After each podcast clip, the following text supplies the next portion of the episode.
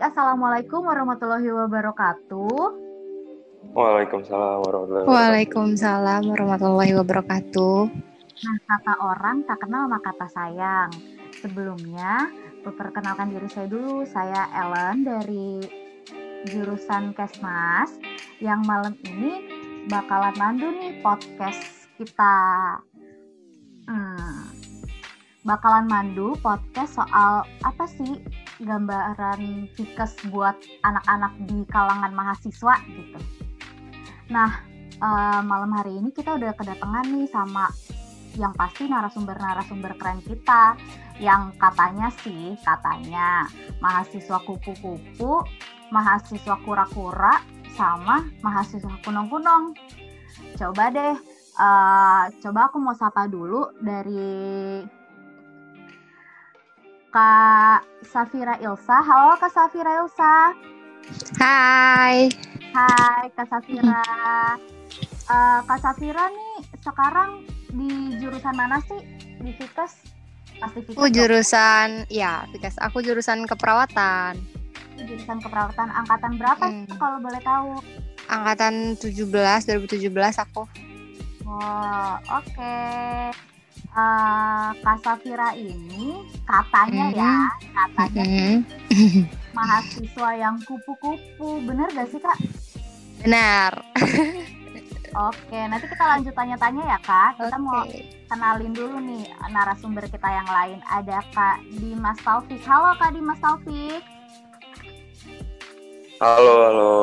Hai, boleh kenalin dulu diri. Ya, nama ini gua aja nggak apa-apa kan ya? Ya nggak apa-apa, bebas ya. aja kak. Oke, okay. ini uh, nama gue Dimas Taufik Akbar dari jurusan S1 Ilmu Gizi angkatan 2018. Oke, okay. hai Kak Dimas. Ini oh. sama sih, dengar-dengar Kak Dimas ini bukan kupu-kupu tapi katanya sih kura-kura, bener gak sih Kak? Aduh, ya bisa dibilang kayak gitu juga sih. Oke deh Kak Dimas, nanti kita lanjut ya. Nah, okay kita ada satu narasumber terakhir nih. Uh, namanya Kak Angga Cipto. Boleh Kak Angga Cipto perkenalan dulu? Halo semuanya. Halo Kak.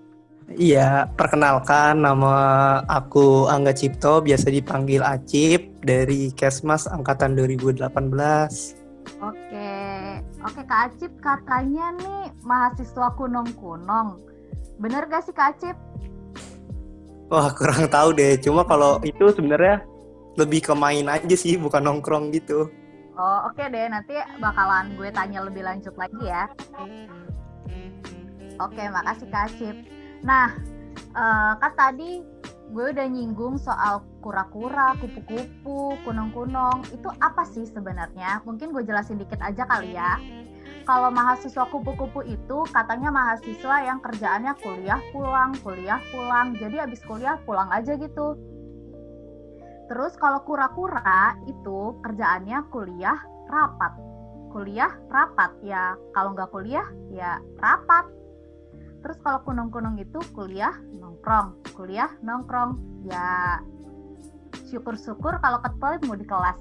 Paling datang ke kampus juga buat nongkrong doang. Nah, uh, mungkin gini kali ya. Uh, kenapa sih bisa dibilang kupu-kupu? Kenapa sih bisa dibilang kura-kura? Kenapa sih bisa dibilang kunung-kunung? Kita jadi pasti mau tahu dong, kenapa sih narasumber kita bisa dibilang kayak gitu? Mungkin dari Kak Safira, kenapa sih Kak Safira sampai dibilang kupu-kupu? Emang selama kuliah offline itu benar-benar kuliah pulang kuliah pulang Kak? Apa gimana tuh? Hmm, gimana ya? Sebenarnya lebih tepatnya kukos kukos sih. Kuliah kosan kuliah kosan. Jadi emang selama kuliah offline itu abis kuliah ya aku nggak ada kegiatan apa apa di kampus ya aku ke kosan temenku gitu loh. Gitu deh. Oh. Jadi kukos kukos ya. Ya kupu-kupu oke. Okay uh, kenapa sih kak maksudnya kakak tuh kepengen jadi mahasiswa kupu-kupu aja gitu kayak nggak ya udah nggak terlalu aktif di kampus kalau ada kalau nggak ada kegiatan ya pulang aja gitu um, karena sebenarnya mamaku sama papaku nggak uh, tipe-tipe orang tua yang nggak ngebolehin anaknya tuh pulang malam banget gitu loh. Nah aku tuh udah pernah jadi anak organisasi banget di SMP sama SMA. Nah aku ngebayangin kalau SMA aja tuh aku pulang malam gara-gara organisasi tuh udah diteleponinnya setengah mampus. Gimana nanti kalau pas di uh, organisasi kuliahan gitu jadinya dari awal masuk kampus akhirnya aku udah mikir kayak ya udahlah gue nggak bakal ikut-ikut organisasi gitu gitu jadi jadi kayak udahlah males daripada iya uh, daripada ribet gitu loh oke nah ini berbanding terbalik nih dari Kak Safira. Kak Dimas justru kerjanya kuliah rapat kuliah rapat. Kalau tadi Kak Safira nggak mau ikut organisasi, kalau Kak Dimas pasti ikut organisasi dong, karena kan pasti rapat rapat rapat terus. Coba nih kalau Kak Dimas, kenapa sih uh, apa nggak ke kesibukannya itu mengganggu aktivitas kuliah kakak gitu dengan kuliah terus rapat, kuliah terus rapat lagi. Coba boleh diceritain Kak Dimas? Oke, okay. mungkin kalau kuliah rapat kuliah rapat ya karena uh, gue sendiri pun suka banget gitu terkait organisasi. Dari SMP SMA itu juga udah organisasi udah jalan.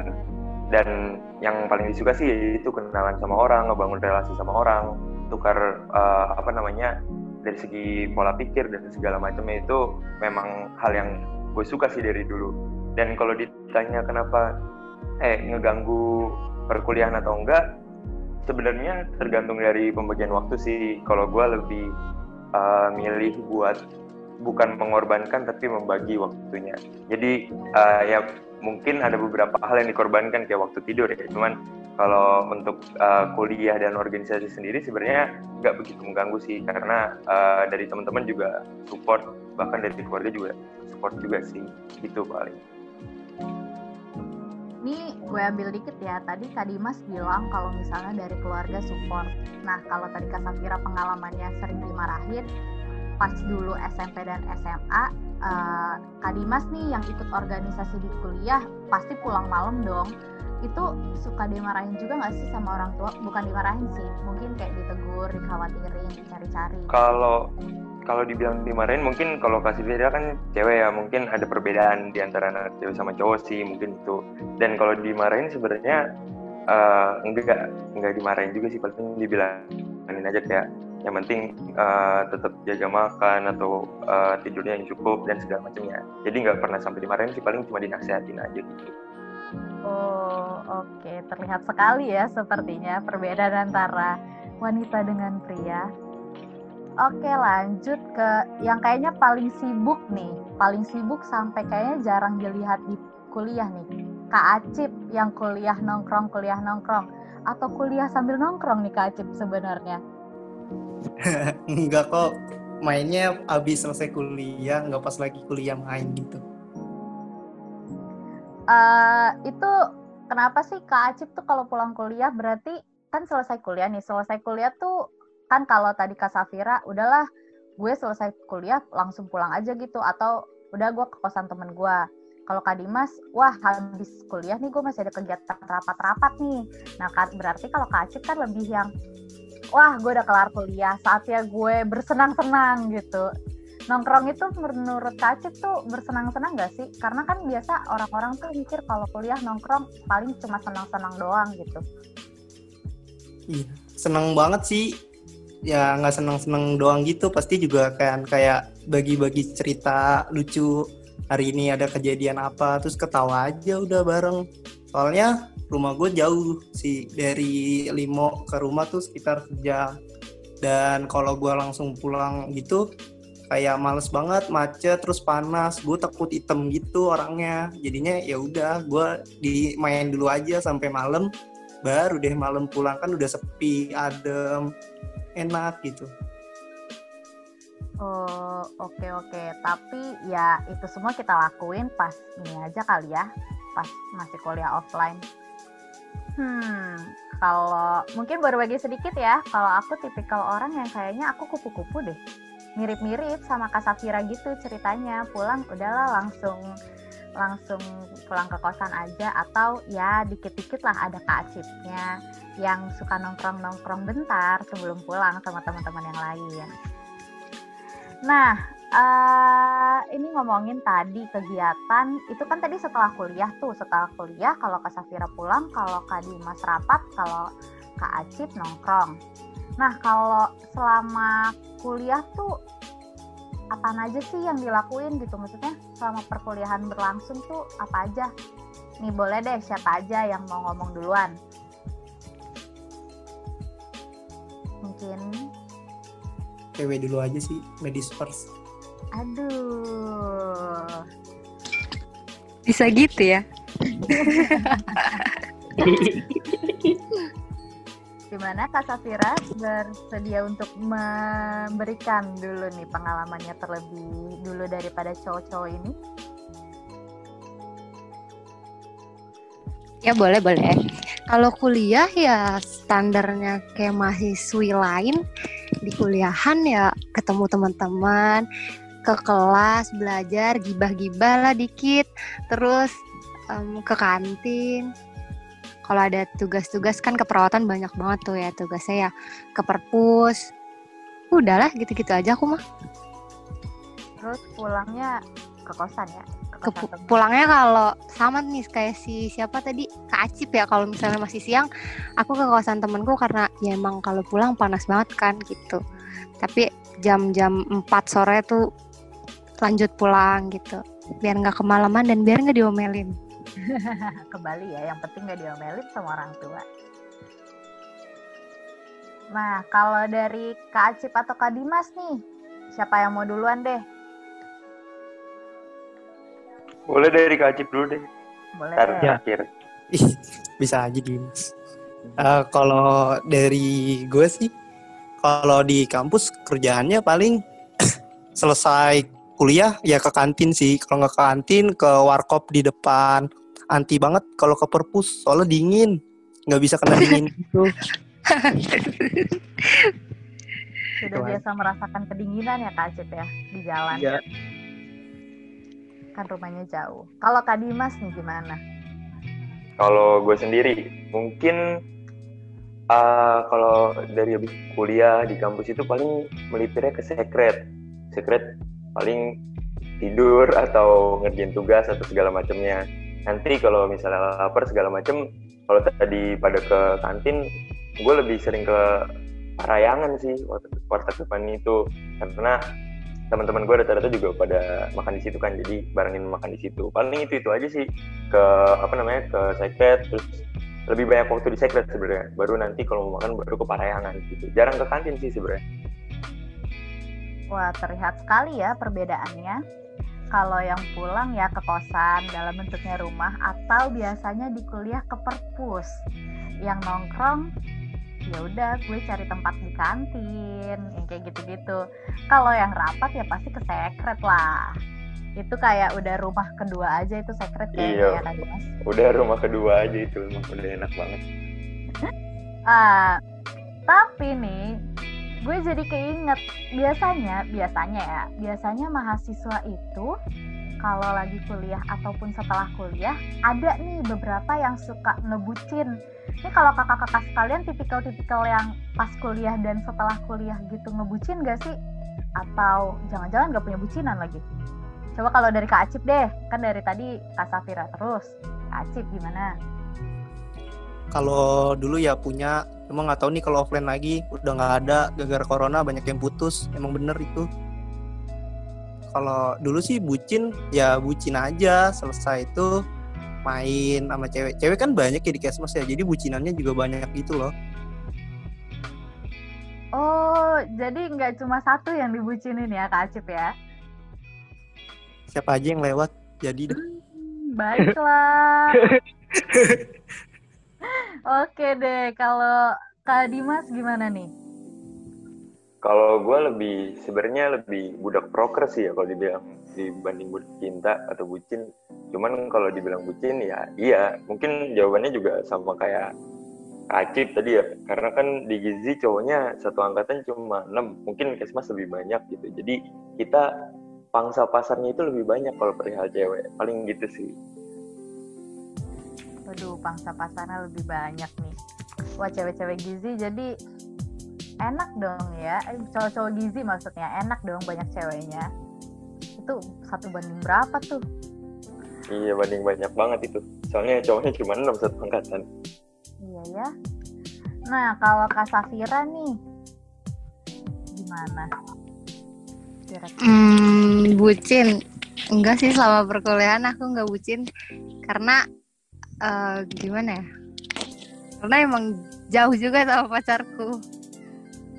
Aku LDR, hehe. wah boleh mana sih kak Gua kalau boleh tahu aja LDR Ambon, Jakarta. Wah jauh banget, susah sih pasti fix banget bucinnya. Siapa tahu gitu atau enggak di perpustakaan sambil telepon-teleponan. Yang aku Oh kali itu sih emang iya. Oh, tetep ya bucin jalan ya. Tetap bucin jalan. Oke deh. Ini aku mau tanya, Mm-mm. eh, mungkin dari Kak Dimas dulu kali ya. Boleh. Boleh, boleh, boleh. Ah, Kak Dimas tuh sering gak sih dengar dari teman-temannya tuh kayak lu kok balik balik kuliah pulang kuliah tuh rapat-rapat mulu sih dan eh, rasanya tuh gimana gitu kalau dibilang kayak gitu sama teman-teman Ah, kalau dibilang sering, sering banget.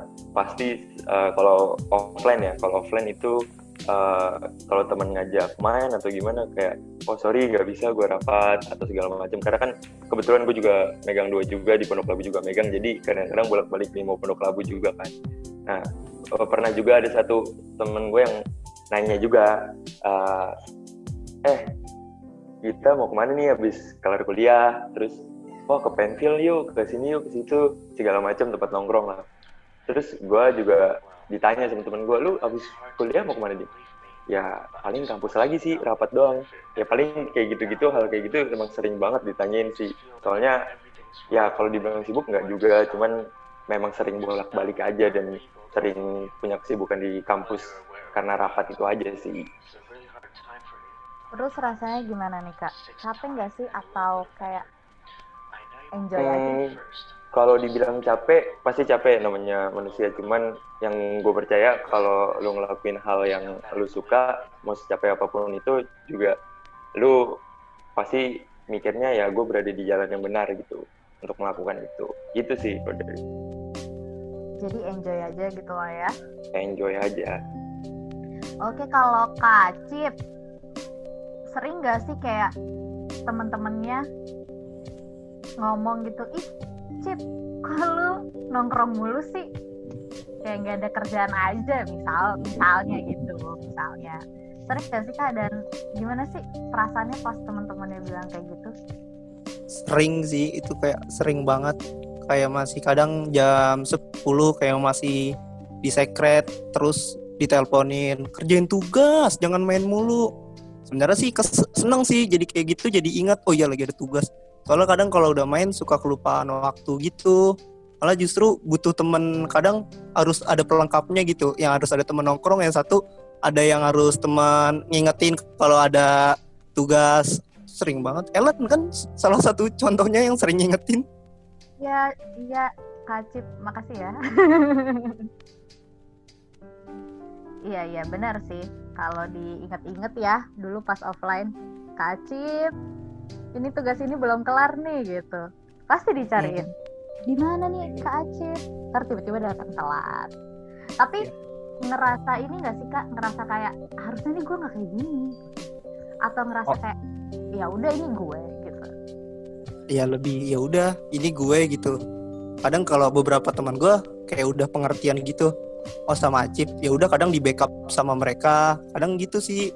Gak tahu sih enaknya punya teman baik kadang kalau kitanya baik kan orang juga pasti baik ke kita. Juga kadang dibantuin gitu. Kalau gue lagi lupa ngerjain tugas tiba-tiba udah selesai gitu aja. Cuma itu nggak patut dicontoh ya teman-teman. Emang saya kadang suka nggak tahu diri. Maafin. Gue juga sering gitu kok, Cip. Ter- nggak apa-apa dim. Kalau lu terusin aja dim. Bagus bagus Tapi kayaknya teman-teman kayak teman-temannya Kak Acip ini kita butuhin sih sesekali ya. Maksudnya kayak apalagi offline ini kakak-kakak pada suka ketiduran gitu nggak sih? Sering banget. Pasti Wah, butuh- parah, sering banget. Kalau kelas pagi backup. apalagi. Iya kan? Ap- Nah, kalau Kak Acip sih kayaknya udah udah udah rajin sekarang ya. enggak juga sama tetap ada reason call aja nanti kalau pagi bisa nyampe 12 diteleponin terus ya udah dosen juga kadang ah paling telat ntar boleh masuk cuman ntar diomelin sih. Jangan dicontoh sebenarnya itu buruk. Ambil baiknya buang buruknya. Nah, itu ya buat teman-teman yang lagi dengerin podcast ini, jangan dicontoh yang kayak gitu-gitu. Nah, kalau Kak Safira, Kak Safira tuh ngerasa bosan gak sih Kak jadi kupu-kupu? Atau teman-teman kalau yang aku denger dari cerita Kak Safira dari tadi sih yang aku lihat kayak teman-teman kakak juga yang udahlah kita kuliah balik ke kosan ini aja gitu. Jadi mungkin jarang juga denger ada yang ngomong ke Kak Safira kupu-kupu. Bener gak sih kak? Eh, benar, tapi sempet juga merasa kayak kok gue cuma kuliah pulang kuliah pulang? Gitu. Tapi ya udah telat juga mau masuk organisasi mana gitu loh. Orang udah udah udah terbentuk gitu. Jadinya aku ya ya udahlah jalanin aja udah udah di akhir-akhir juga kayak gitu. Oh jadi eh, awalnya sempat nyesel gitu ya kak gara-gara Iya. gara-gara kuliah pulang kuliah pulang mm-mm, kuliah kos kuliah kos gitu. karena kan tadi yang aku bilang kayak SMP sama SMA aku aku or- berorganisasi jadinya ya pasti jadi beda dong gitu. Terus ya udahlah tapinya mau gimana lagi? Ada rasa hampa nggak sih kak? Jadi ada ada banget. Ada banget kayak misalnya pul ya monoton kan jadinya aku tuh kayak kampus terus ke kosan ke kosan teman numpang tidur sampai asar pulang di rumah kerjain tugas dikit-dikit dikit gitu-gitu lagi gitu-gitu lagi gitu terus tiap hari. Jadinya ya aku bosen tetap pasti ada bosennya kalau kayak tadi Kak Dimas kan benar tuh banyak temen lah kalau di organisasi nambah relasi lah bis, eh, bisa kalau Kak Acip jadi bisa nongki-nongki sama temen-temennya gitu. ini aku ada pertanyaan khusus sih buat Kak Safira. Betul. Kan nggak ikut organisasi, tapi kakak ikut biasanya kayak biasanya ada volunteer kepanitiaan gitu, kan? Mm-mm. Itu kakak Oh ada tapi bukan di kampus, di luar aku kayak gitu biasanya. Oh, berarti kakak bisa dibilang gitu lumayan aktifnya di luar ya daripada di. Hmm. Oh iya, ngomong-ngomong nih aktif di luar kampus. Selain Kak Safira, kalau Kak Acip sama Kak Dimas nih di luar kampusnya, kalau tadi Kak Dimas kan sama kampus Korlap ya. Tapi kan itu hitungannya masih di dalam kampus. Kalau di eksternal kampusnya ada nggak sih kesibukan lain? Kalau di eksternal kampus, mungkin karena udah banyak banget eh, apa namanya banyak banget kegiatan di kampus, jadinya kalau di luar kampus sih paling nongkrong-nongkrong aja sih. Soalnya ya pasti kan bosen juga lama-lama kalau rapat mulu, rapat mulu. Paling kalau di luar ya nongkrong-nongkrong aja sih. Kalau Kak Acip, Kalau gue sih sama sama juga. Gue selesai dari sini malam habis nongkrong kebetulan eh, lewat SMA gue gitu ya mampir lagi. Udah kayak gitu sih ya sebatas kayak main-main mulu hidupnya. Hmm, jadi bisa aku lihat kalau Kak Safira ini emang kelihatannya dia di kampus kupu-kupu nih, tapi ternyata kalau di luarnya aktif. Nah, kebalikan sama Kak Dimas sama Kak Acik nih. Di dalam kampusnya ya lumayan aktif, tapi di luarnya ya buat main aja gitu. eh ini aku mau nanya, kalian selama jadi mahasiswa ini apa aja sih pengalaman-pengalaman yang pernah kalian alami gitu yang bisa dibagiin nih ke para pendengar kita? Mungkin dari Kak Acip kali ya. Kalau misalnya pengalaman ya sebenarnya eh, ini sih nggak bisa kayak ditampilin gitu di sini. Cuma lebih en- enaknya tuh banyak kayak temen juga gitu. Kadang kan di sini mainnya nggak sama kadang kesmas doang tapi nyampur gitu. Kadang juga dari keperawatan ada juga. Terus juga kadang main sama alumni yang dari kesmasnya juga. Terus sama adik tingkat dari kesmas. Jadi sebenarnya jadi kayak tambah banyak gitu loh ilmu kan nggak nggak apa nggak didapat dari satu orang doang dapat dari orang lain jadi kayak kita sering kayak sharing sharing aja kayak gitu sih Len Oh, oke. Kalau dari Kak Safira? Apa nih? ya? pengalaman yang aku dapat selama aku kuliah eh, karena aku jurusan keperawatan aku ini dinas masuk rumah sakit tuh jadi pengalaman yang paling baru buat aku. Terus aku jadi tahu kayak oh seru banget loh ternyata jadi suster-suster ini gitu. Kalau dulu mainannya suster-susteran ya, Kak? iya bener Suster sekarang jadi suster beneran Kalau Kak Dimas gimana? Pengalaman ya, kalau pengalaman organisasinya sih eh, kebetulan kan di BMU juga. Kalau di BMU kan emang dari banyak fakultas, jadi bisa tahu pola pikir orang dari fakultas lain, bahkan bisa tahu juga ilmu-ilmu yang mereka pelajari. Kalau gue kan dari Fikes kan terkhusus gizi kan, jadi yang gue pelajarin kan eh, disiplin ilmu gue ya gizi gitu. Cuman kalau gue main ke BMU gitu, gue tukar pikiran, gue jadi tahu eh, apa namanya ilmu-ilmu dari fakultas lain kayak fakultas hukum terus ada FEB gue belajar ekonomi gue belajar hukum segala macam jadi makin banyak ilmu yang diambil juga terus kalau perkara pengalaman nongkrong kalau nongkrong sebenarnya nggak selalu negatif ya menurut gue karena eh, apa namanya gue juga sering nongkrong sama senior sama eh, adik-adik tingkat juga sama jurusan lain juga kalau misalnya sama senior bakal dapet eh, kisi-kisi nanti skripsi gimana, PKL gimana. Kebetulan kan gue juga ada PKL. Dan kalau sama uh, adik tingkat juga bisa tahu gitu uh, kalau kesah mereka. Jadi uh, gue sebagai kakak tingkatnya juga bisa ngasih nasihat sama mereka-mereka juga bagaimana cara menjalankan perkuliahan atau bisa atau organisasi di luar gitu sih.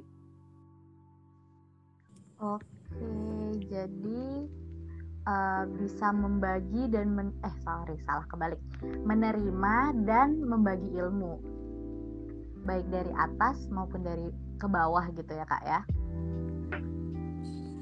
Iya betul. Nah, betul di apa yang Dimas bilang gitu nggak selamanya kayak nongkrong itu buruk sih. Ada nggak ya? Ada kan ada perspektif orang gitu ngapain sih nongkrong? Cuma buang-buang duit atau buang-buang waktu. Sebenarnya bisa dapat kayak pengalaman baru gitu jangan bentar paku kalau nongkrong itu selalu buruk. Jadi kalian jadi kayak tahu gitu loh jadi bisa ngebedain yang mana yang buruk yang mana yang baik yang baik diikutin yang buruk ya udah bawa ketawa aja gitu sih jadi belajar dari pengalaman teman-teman nongkrong kita gitu ya. Benar gak Cip? betul banget Ellen setuju gue sama lu pernah gue gak setuju sama Ellen mah Iya kak. ah, oke deh kalau gitu. eh, ini dari masing-masing profesi asik profesi, bukan profesi apa ya? Masing-masing titel yang kalian punya nih. Kalian punya pesan pesan-pesan khusus gak sih buat para penerus dalam tanda kutip para penerus kalian gitu? Mungkin ya siapa yang duluan deh? Kali ini cowok-cowok antara Kak Acip sama Kak Dimas. Eh, dari Kak Safira dulu kali yang udah istilahnya lebih senior dari kita mungkin. Jadi Betul eh, banget. bawahannya lebih banyak. nggak apa-apa kayaknya ya Soalnya takutnya soalnya takutnya kan kita apa-apa. mendahului nih, takutnya mendahului Wah, Kak. kan beda ini, beda beda Ah, profesi, beda. beda titel. Iya. Ya mungkin Kak Safira bisa duluan karena kan 17 juga jadi mungkin pengalamannya kan lebih banyak dari kita-kita sih. Gitu. Kamu menarik sekali cara ininya. Alasan ya udah. namanya Aku juga ya. Aku nonton aja kalian berdua berantem Ah, berarti Kak Acip udah siap nih kayaknya nih. oh enggak enggak, enggak. kacip duluan kalau buat harapannya sih ya karena kita kesmas gitu terjun langsung ke masyarakat lebih ditingkatin lagi aja sih jiwa sosialnya jangan pernah takut gitu ketemu orang kadang harus ada lawan rasa takut itu kalau nggak dilawan ya udah nikmatin aja rasa takut itu lama-lama jadi biasa kok kan kalau kata siapa gitu terbentur terbentur maka akan terbentuk anjay eh astagfirullah nggak boleh tuh ya Hati-hati. Sarah. Nah, oke. Ini gue ngutip ya, ini keren banget sih. Kata-kata asik quotes dari Kak Acip terbentuk eh terbentur terbentur lama-lama jadi terbentuk. Jadi ya awalnya kita ngerasa ah salah. Kenapa sih gue harus kayak gini? Tapi lama-lama kita bakalan jadi terbentuk dengan pribadi kita masing-masing gitu. Yang pastinya lebih baik daripada sebelum terbentur itu. Oke thank you kak Acip kalau kak siapa dulu nih? Kak Safira dulu apa kak Dimas dulu? Kak Dimas silakan kak. Silakan kak Safira dulu. Kak Dimas yuk. Oh ya udah. Oke okay, mengalah mengalah. Oke siap kak. Duluan ya. Uh, kalau dari gue sendiri harapan buat penerus mungkin lebih ngikutin kata hatinya ya karena kan ketika orang masuk ke perkuliahan itu kita mempunyai goals kita sendiri-sendiri. Ada yang memang mengejar IPK dan makanya jadi mahasiswa kupu-kupu atau mungkin ada yang kuliah sambil kerja juga untuk membantu ekonomi keluarganya ada yang memang kayak gue uh, fokus ke organisasi atau mungkin ada yang lebih ke terjun ke masyarakat dan segala macamnya gitu. Jadi menurut gue apa pun yang dilakukan sama mahasiswa walaupun mau itu kupu-kupu mau itu kuliah nongkrong kuliah nongkrong mau itu uh, kuliah rapat kuliah rapat selama itu dari hatinya dan selama itu uh, dia jalaninnya secara nyaman itu menurut gue sah sah aja. Jadi nggak nggak pernah ada yang salah sih mau mahasiswa itu kuliah pulang kuliah pulang atau kuliah nongkrong atau kuliah rapat gitu. Dan satu yang gue tekenin sebenarnya yang namanya hidup kan kita nggak pernah berlomba-lomba sama orang kan karena goals kita pun beda-beda. Jadi uh, kita ngejar impian kita sendiri-sendiri aja dengan cara kita masing-masing gitu. Semoga uh, penerus-penerus nanti di bawah gue bisa berkembang dengan eh di tempat dengan kecepatannya atau dengan tujuannya masing-masing gitu sih. Oke, nah kalau dari Kak Dimas nih gue ngambil quotes-nya yang ini sih, yang kerjainnya tuh dari hati dan sesuai dengan keinginan hati. Eh, itu benar banget sih. Kalau misalnya dikerjain dari hati kan pasti dila dilakuinnya juga sepenuh hati. Kayak kalau kita sangkut pautin, kita pakai ilmu cocokologi dikit lah ya kalau kita sangkut boleh, dari boleh. kata Kak Acip tadi terbentur jadi terbentuk awalnya mungkin kita terbentur nggak pakai hati gitu. Tapi lama-lama karena kita ngejalanin dengan sepenuh hati lama-lama kita terbentuk dengan hati juga gitu dengan rasa cinta juga mungkin ya gitu. Dengan apa yang kita bener banget ya paling jago emang kalau ini buat sekarang. Nah ini yang paling kalau kata kata cowok-cowok paling senior nih. Boleh kak Safira? Jadi berasa tua. Kalau senior senior. Emang kak? Tapi emang bener. Oh, aku kirain 2001 loh. Iya kak kak? Nggak bercanda. Kalau dari aku sendiri sih pesan buat adik-adik ya ceritanya asik adik-adik. Uh, biasanya tuh kalau ilmu keperawatan tuh karena ketendang dari kedokteran. Jadi kalau dari aku kalau emang kalian ngerasa nih lagi ngejalanin uh, kuliah perawat ini kok kayaknya berat banget kok kayaknya susah banget ya kalian harus ingat gimana alasan pertamanya kalian akhirnya terjun ke keperawatan ini. Misalnya ketendang ya pasti kan kalian juga punya uh, alasan lain kan selain ketendang. Masa dari kedokteran tiba-tiba ah yaudah keperawatan aja kan masih banyak dari jurusan lain kan terus akhirnya kalian memilih keperawatan maksudnya kayak misalnya oh yaudahlah karena nyokap gue maunya gue tuh di uh, dunia kesehatan gitu. Jadinya gue walaupun gak kedokteran gue keperawatan. Jadinya tetap aja lanjutin karena itu kan bisa ngebanggain orang tua kalian. Apalagi kalau yang milih keperawatan itu karena keinginan diri sendiri. Jangan sampai udah milih diri eh, milih dari dalam diri sendiri itu pengen keperawatan, tiba-tiba di jalannya berat, akhirnya kalian pengen udahin gitu aja gitu loh. Tetap aja terus berjuang buat goals yang kalian mau gitu. Oke. Nih kalau dari Kak Safira, quotes-nya terus berjuang buat apa yang kalian mau. Ini gue sebenarnya pengen sih cocok lagi-lagi dikit. Ini tiga-tiganya kalau gue gabung jadinya gini. Awalnya kita terbentur. Kayak tadi kata Kak Acip ya kita terbentur dalam satu hal gitu. Dan pengalamannya Kak Safira gue kepleset dari kedokteran ke ini nih dari kedokteran pindah jadi keperawatan gitu. Terbentur tuh. Tapi karena gue jalaninya dengan sepenuh hati dan ngerjain apa yang gue mau dengan maksimal akhirnya gue udah jadi terbentuk nih dengan pribadi gue yang sekarang. Gitu. Boleh boleh. Oke tadi nih ngomong-ngomong Kak Safira kepleset jurusan dari uh, kedokteran keperawatan gue rasa sih kak banyak nih teman-teman kita yang terutama yang di Fikes mm -hmm. sebenarnya tuh kepleset gitu dari kedokteran. Iya nggak sih? Kalau gue sih ngalamin kalau gue ngalamin. Oh, kamu juga gitu? ngalamin. Iya aku ngalamin. Nggak tahu nih kak Acip Kak Dimas gimana? Apakah mengalami juga mungkin siapa dulu nih Cip? Lu ya Dim nggak apa-apa. Oke okay, boleh. deh kalau dari gue sih sebenarnya dulu memang kemauan orang tua kedokteran. Cuman gue berpikir juga kalau wah kayaknya insecure juga gitu kurang pede juga buat masuk kedokteran karena otak kayaknya nggak nyampe soalnya deh gitu kan. Jadi lebih milih buat wah kayaknya yang berbau berbau-bau kesehatan masih cocok juga nih ya udah.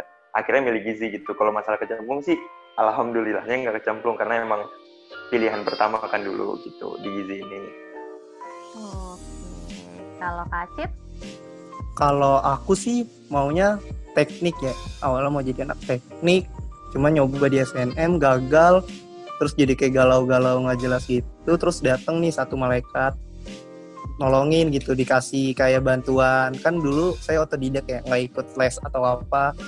Jadi sama dia kayak dikasih passwordnya buat belajar, dikasih akun gitu buat belajar. Nah di situ kayak ngerasa ah harus ngebalikin uh, ini nih terus timbal harus ada timbal balik. Terus gue tak aku tanya kan kamu mau masuk apa? Kata dia mau masuk kesmas. Ya udah akhirnya mau balas budinya itu di kesmas. Cuma pas lagi pendaftaran SBM itu gue keterima cuma dia nggak keterima. Jadi kayak ya nggak bisa timbal balik deh itu sih awalnya kalau orang tua sih sebenarnya nggak bebasin sih mau masuk apa aja kayak gitu sih Wah, gue pikir selama ini ya gitu anak-anak kesehatan biasanya larinya dari kedokteran, tapi ternyata enggak juga ya. Walaupun ada harapan orang tua, tapi enggak juga gitu. Apalagi kalau Kak Acip di Kesmas awalnya pengennya teknik gitu. Nah, tapi gue boleh tahu nggak sih alasan kalian kenapa pilih berkuliah di UPN terutama di Fikes mungkin dari yang paling senior boleh kata? Soalnya paling lama nih. Iya boleh boleh boleh gak apa-apa gak apa. Kalau aku balik lagi pokoknya karena orang tua. Aku tuh nggak boleh kuliah yang di luar Jakarta. Nah kuliah di luar Jakarta UI aja udah Depok ya. Jadi pilihanku ya cuma ya negerinya ya cuma UPN dan UI gitu. Terus keterimanya ya di UPN I-nya nggak masuk jadinya ya udah deh UPN Halo, apakah aku kedengeran? Ya, kedengeran. Oke, oke. Oke, kalau uh, kalau Kak Dimas dulu deh, soalnya kayak Kak Acip nih tipis-tipis sama ceritanya yang sebelumnya nih. Jadi gue mau tahu dari Kak Dimas dulu deh. Gimana kalau Kak Dimas? Kalau gue sendiri sih kenapa UPN? Sebelumnya kan juga ada senior di SMA ya yang masuk UPN di Kesmas juga kebetulan Kesmas 17 nah uh, dari situ sih nanya-nanya juga kayak kak kalau masuk UPN itu gimana sih? segala macam terus dikasih jawabannya juga gitu. Dan tadi sama juga sih sama Kak Safira kayak dari orang tua juga jangan yang jauh-jauh lah istilahnya yang cari yang di Jakarta aja. Akhirnya sempat nyari-nyari. Dulu juga belum tahu UPN banget sih UPN itu di mana segala macam dulu mikirnya juga masih wah di Pondok Labu nih. Wah akhirnya bisa kuliah di kampus yang beneran kayak kampus gitu kan. Cuman setelah tahu di Limo oh ternyata di sini kampusnya Limo. Pikes ternyata di sini. Oh jadi oh ya udah deh terima aja gitu sih paling. Oh jadi Kak Safira dan Kak Dimas ini bukan korban sih apa ya kata-kata yang enaknya ya Oke, Kak Safira dan Kak Dimas ini adalah harapan para orang tua untuk berkuliah dekat gitu ya nggak jauh-jauh. Betul. Betul. Kalau misalnya orang tua gitu. kangen gitu kan ada di rumah. Mm -mm. Hmm, betul. Nah kalau Kak Cip, gimana Kak Cip? Halo, iya. Mm -mm. alasan Kak Acip nih. Hampir sama sih sama yang tadi cuma pengen uh, timbal balik aja ke orang ini. Pengen kayak ngebantuin dia nanti di kuliah. Cuma ternyata emang orang yang nggak masuk ya udah. Jadinya jadi kayak saya sendiri bangun ideologi lagi sendiri aja. Jadi pengen ngebanggain orang tua. Mungkin emang beda sih uh, dari orang tuanya Kak Dimas sama Kak, Pir, Kak Sapira tadi. Mungkin kalian berdua orang tuanya sama ya kalau saya kan beda gitu dibebasin aja. Bahkan kalau disuruh keluar kota pun juga nggak apa-apa gitu. Udah dibeliin setrikaan cuma ternyata dapatnya di Jakarta juga. Jadi setrikanya juga nggak kepake udah dijual deh sekarang ke tetangga. Buat Kayak aku gitu aja boleh gak buat apaan kak? Buat gosok lah oh saya kira buat ngepel dong kak. Aduh. Dikit lagi ya, Cip. Eh, Bak Kak Cip, dikit lagi ya. ya nggak apa-apa yang penting usaha Oke. Eh, soal Fikes lagi nih ya. Gue mau nanya. Kalau gue minta kalian kasih satu sampai dua kata tentang Fikes yang ada di bayangan kalian tuh apa sih? Itu. Mungkin dari Kak Dimas. Kecepatan ya? Mikirnya ya? Boleh, boleh, boleh. Tapi boleh. Oke, oke. Oke, Dua kata ya, dua kata ya. Satu sampai dua kata lah. Satu sampai dua kata. Hmm, Fikes, Fikesnya nggak dihitung ya. Eh, lekas membaik sih kalau yang gua pikirin. Soalnya menurut gua juga membutuhkan eh, banyak hal yang harus dibenahi lagi walaupun itu membutuhkan waktu tapi gue percaya Fikes bisa jadi kata-kata dari gue lekas membaik Oke, kalau dari Kak Safira? semoga lebih baik Wah, sama aja ya kayak Kak Dimas Hmm. Coba, Gak apa-apa, yang lain apa-apa. ada, Yang lain pasti ada. aduh apa nih yang lain hmm apa dong dua kata Satu sampai dua kata. kata. satu sampai dua kata Fikes itu lumayan bagus Lumayan bagus. Oke, kalau Kak Acip? kalau gue eh kalau aku sih menarik dan ramah sih. Kalau menariknya tuh di sini kayak enak aja gitu. Ternyata di Depok ini padahal kan kondisi geografisnya ada di Depok ya. Aturan kalau siang panas cuma kalau malam itu kayak dingin banget gitu di puncak. Jadi kayak menarik aja suasana di sini. Terus kalau ramahnya orang-orang di Fikes ramah sih. Dari eh, orang mindiknya dosennya itu kayak ramah banget. Tegur sapa kayak masih ada saling pedulinya gitu loh satu sama lain kalau aku sih gitu Ellen Oke deh. Ah, nah aku mau recall sedikit nih buat kakak-kakak sekalian. Eh, Kak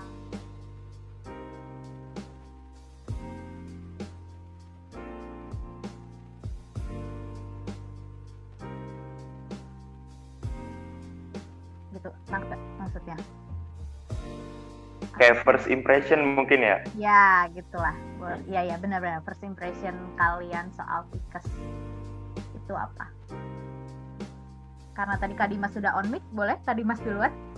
waduh ya first impression Fikes first impressionnya sih hmm, asri sih karena masih ada lapangan rumput itu soalnya kalau di Labu kan nggak ada jadi eh, dari asrinya emang bener tadi yang kata Kak Acip juga suasananya enak sih Kalau menurut Kak Dimas, sekarang Fikes gimana? Sebelum offline ya, maksudnya? Ya kita tahu sebelum offline gitu. Setelah Kak Dimas mungkin sekitar satu setengah tahun berarti ya, hampir dua tahun berkuliah offline di Fikes. Pandangan Kak Dimas apakah berubah gitu dari first impression? Hmm, kalau berubah nggak pernah berubah sih. Emang Fikes selalu kayak dulu. Eh Fikes atau Limo ya selalu seperti yang gue bayangin pertama kali sih atau first impression gue pertama datang. Selalu asri, ramah juga gitu. Jadi nggak pernah ada yang berubah sih kalau di Fikes. Oke, kalau dari Kak Acip, first impressionnya sih waktu pertama kali datang ke sini jauh nggak apa ya kayak jauh banget. Capek sih first impressionnya. Aduh ini baru sehari kuliah. Kok capek banget badan? Soalnya kan emang PP terus perjalanan kayak sejam gitu. Mau makin ke sini ya udah kayak ya udahlah biasa. Tinggal nikmatin aja. Kayak gitu sih Len. Kalau makin ke sini udah kayak biasa.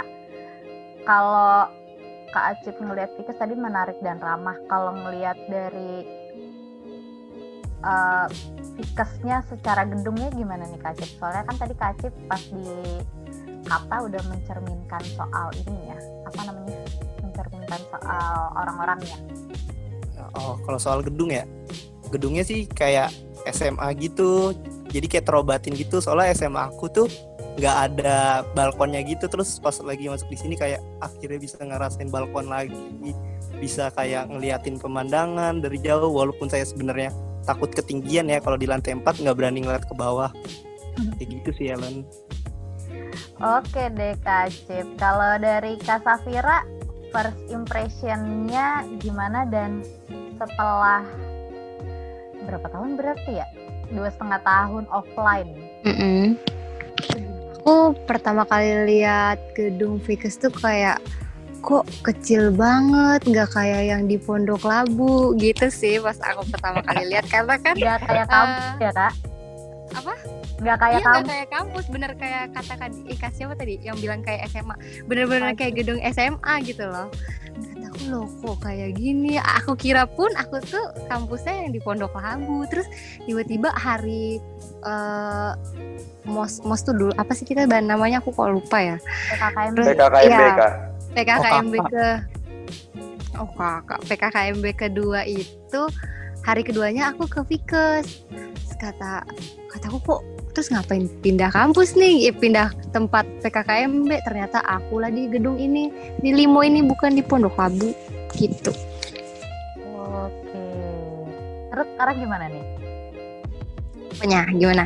Kakak soal kes maksudnya Pandangan... apakah sudah berubah dari dulu dan sekarang termasuk orang-orang di oh, ya sedikit berubah karena tiba-tiba di FT ada liftnya guys aku kayak wow ada liftnya gitu terus akhirnya kalau ada kelas di FT selalu coba-cobain naik lift dengan noraknya gitu. Terus ada lagu-lagunya lucu deh. Vikas F apa limo ini. Walaupun naiknya cuma satu lantai ya kak? Iya bener aku emang cobain-cobain doang. Tapi setahu aku lift dari lantai satu ke FT eh, dari lantai satu ke basement justru basementnya sering mati. Itu yang mati gimana? maksudnya sering nggak sampai basement gitu liftnya kak nggak tahu ya oh iya kak aku kalau naik sampai basement walaupun hmm. habis dari basement aku naik lagi naik pakai tangga. tangga cuma demi nyobain lift aja itu karena kan di yang Vikas yang keperawatannya nggak ada ya jadi naik tangga tuh sampai lantai 4 capek ngos-ngosan Oh iya, keperawatan mm -hmm. praktek di atas ya? Iya, di lab atas itu. Oke. Ada setannya kali itu yang ngisengin. Bisa jadi. Ya. Kayaknya. -uh. Ih, hmm. Itu mah pas Ellen naik doang ya liftnya mati. Kayaknya lebih tepatnya pas aku mau naik sih kak. Oh. Mungkin udah sore kan udah di ya, udah itu matiin. ya ketahuan deh kelasnya sore semua. Oke. Nah, uh, kita udah ngomongin tadi soal gambaran Vikes apa kata-kata yang menggambarkan Vikes kita udah ngomongin uh, soal first impression dan pandangan saat ini soal Vikes gitu. Kalau pesan dan kesan kalian selama berkuliah di Vikes pesan dan kesan-kesan dulu deh kesan-kesan kalian selama berkuliah di Vikes tuh kayak gimana sih? Kalau boleh tahu aja tapi pasti boleh tahu dong. Mungkin dari um, siapa ya? Yang enaknya Kak Safira deh. Yang lebih lama. Lagi-lagi lebih lama. Iya, menurut AE kesannya Vikes tuh makin tahun udah makin bagus lah ya. Uh, terus makin banyak juga mahasiswanya yang udah aktif ngasih prestasi-prestasi di dalam lingkupnya ataupun di luarnya kayak misalnya banyak kan kayak sekarang uh, yang jadi duta jen duta genre atau jadi abang none gitu semoga ke depannya lebih banyak lagi sih mahasiswa atau mahasiswi yang berprestasi untuk membanggakan UPN. Kalau dari Kak Acip, kesan-kesannya apa nih selama berkuliah di Fikes? Kalau aku sih kesan-kesannya tadi sih ramah gitu orang-orangnya yang di sini baik-baik semua. Jadi enak aja gitu kuliah di sini walaupun kelihatannya kayak di awal kayak kok kayak gini sih. Cuma pas dijalaninya ternyata di dalamnya beda kok. Kita kayak punya sebuah negeri di dalam negeri gitu loh. Asal bukan di dalam negeri dongeng aja kak, nanti takut nggak keluar. Enggak. Kalau Kak Dimas, kalau Kak Dimas gimana? Kesan-kesan selama berkuliah di Fikes? kesan selama berkuliah di Vikas Eh, mungkin benar sih tadi setuju juga sama Kak Acip Eh, orangnya ramah-ramah itu sih yang bikin betah sama ya balik lagi lingkungannya emang asri jadi kesan kesannya itu jadi betahnya karena eh, orang-orangnya sih su- sukanya apa segala macam bahkan sampai saat pamnya pun juga kadang-kadang nyapa terus juga OB-OB-nya juga kadang-kadang nyapa gitu jadi suka ngobrol juga sama mereka kan jadi benar-benar friendly banget kalau di Vikas gitu. Oke. Eh, makasih nih buat kesan-kesannya. Mungkin eh, yang baru-baru masuk juga jadi jadi nggak sabar gitu pengen ngerasain yang kesan-kesan selama di Fikes juga gitu dan pengen punya kesan yang lain yang lebih mungkin lebih luar biasa juga ya nggak kalah luar biasa pasti dari dari kesan-kesan kakak-kakak sekalian. Nah, last but not least, eh harapan kalian buat Fikes tuh apa sih? Eh, apa ya? Kalian tuh kepengen tuh Fikes tuh ke depannya kayak gimana gitu? Mungkin dari Kak Dimas terlebih dahulu.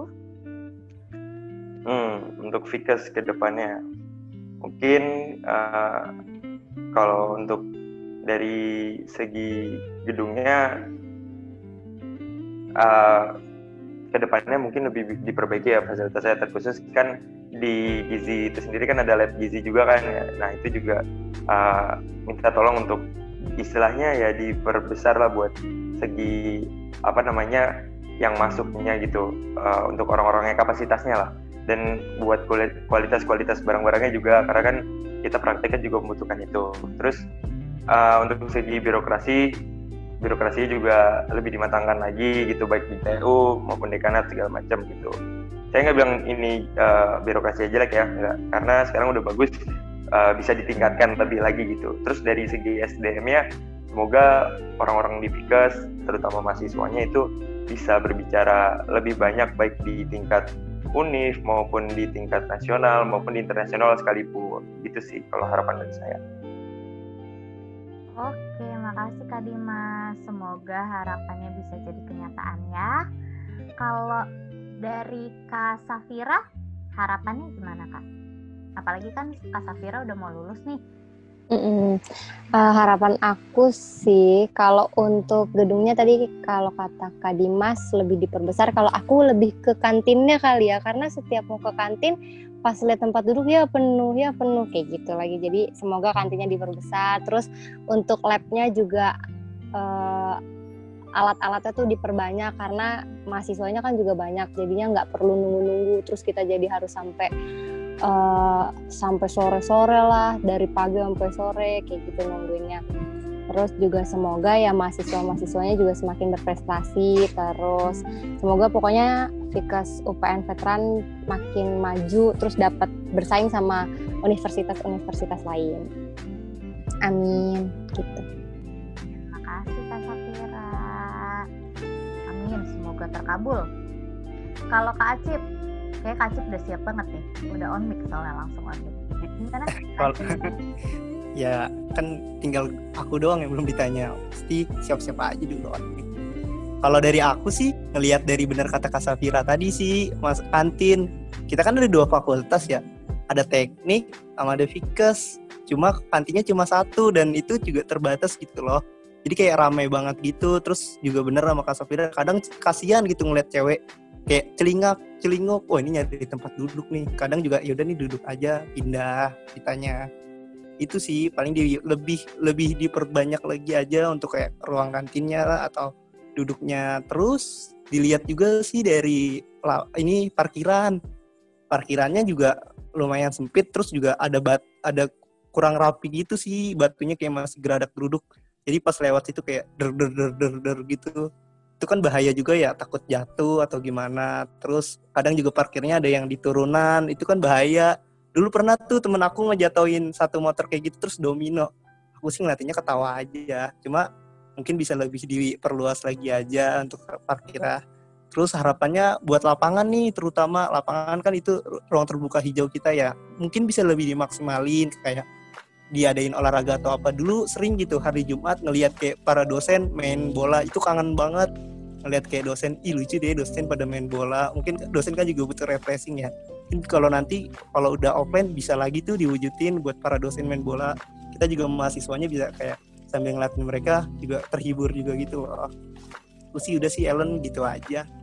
Oke deh makasih Kak Cip Nah, dari semua percakapan yang udah kita lewati selama beberapa menit, berpuluh menit ini, yang aku tangkap sih gini sih, uh, ya yang pertama tadi apa pun yang kita jalanin sekarang, jalanin aja dulu gitu. Nanti bakalan nyaman dan bakalan tahu gitu, kenapa sih dulu kita ngejalanin hal yang seperti ini gitu, lama kelamaan Terus kalau soal fikesnya ya, kalau soal fikesnya tuh ternyata orang-orang di fikes tuh ramah-ramah gitu. Mungkin kalau orang yang luar fikes di UPN nggak tahu gitu kalau orang fikes ramah-ramah gitu. Tapi kita yang di internal-internalnya tuh ngerasain keramahan di fikesnya tuh dan juga dari gedungnya ya walaupun kelihatannya kayak gedung SMA tapi ya lumayan memadai sih kalau yang aku dengar dari harapan bukan ke kelas-kelas justru. Berarti kelas-kelasnya lumayan memadai untuk melakukan pembelajaran. Terus uh, kesan-kesannya selama di Fikes tuh juga banyak gitu.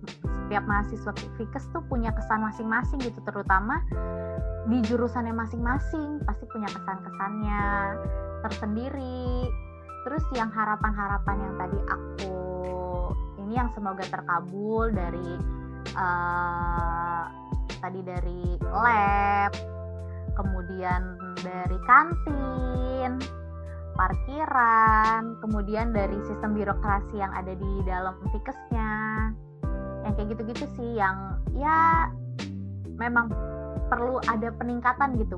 Benar kata Kalimas tadi, bukannya nggak bagus, cuma perlu ditingkatkan gitu supaya ya kenyamanan untuk kita semua. Oh iya satu lagi sama yang soal penggunaan uh, ruang terbuka hijau yaitu lapangan gitu ya. Jadi lebih aktif lagi lah dipakai sama sivitas akademika di Fikes ini.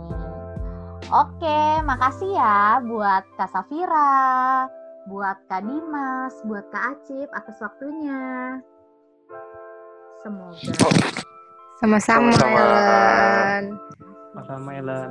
Makasih loh udah di udah dibagi gitu pengalamannya dibagi uh, quotes quotesnya juga tadi. Terus uh, ya dibagi kesan kesannya jadi kan nanti aku secara pribadi juga jadi oh iya ya ternyata kayak gini gitu. Aku punya gambaran baru yang awalnya aku tidak tergambarkan hal-hal yang seperti itu aku jadi tergambarkan gitu sekarang dan semoga ini yang dengerin juga kayak gitu ya Oke, kalau gitu terima kasih sudah mendengarkan podcast pada hari ini. Sampai bertemu di podcast selanjutnya. See you. Bye bye. See you Bye -bye. semua. Terima kasih. Dadah. Assalamualaikum. Terima kasih semuanya.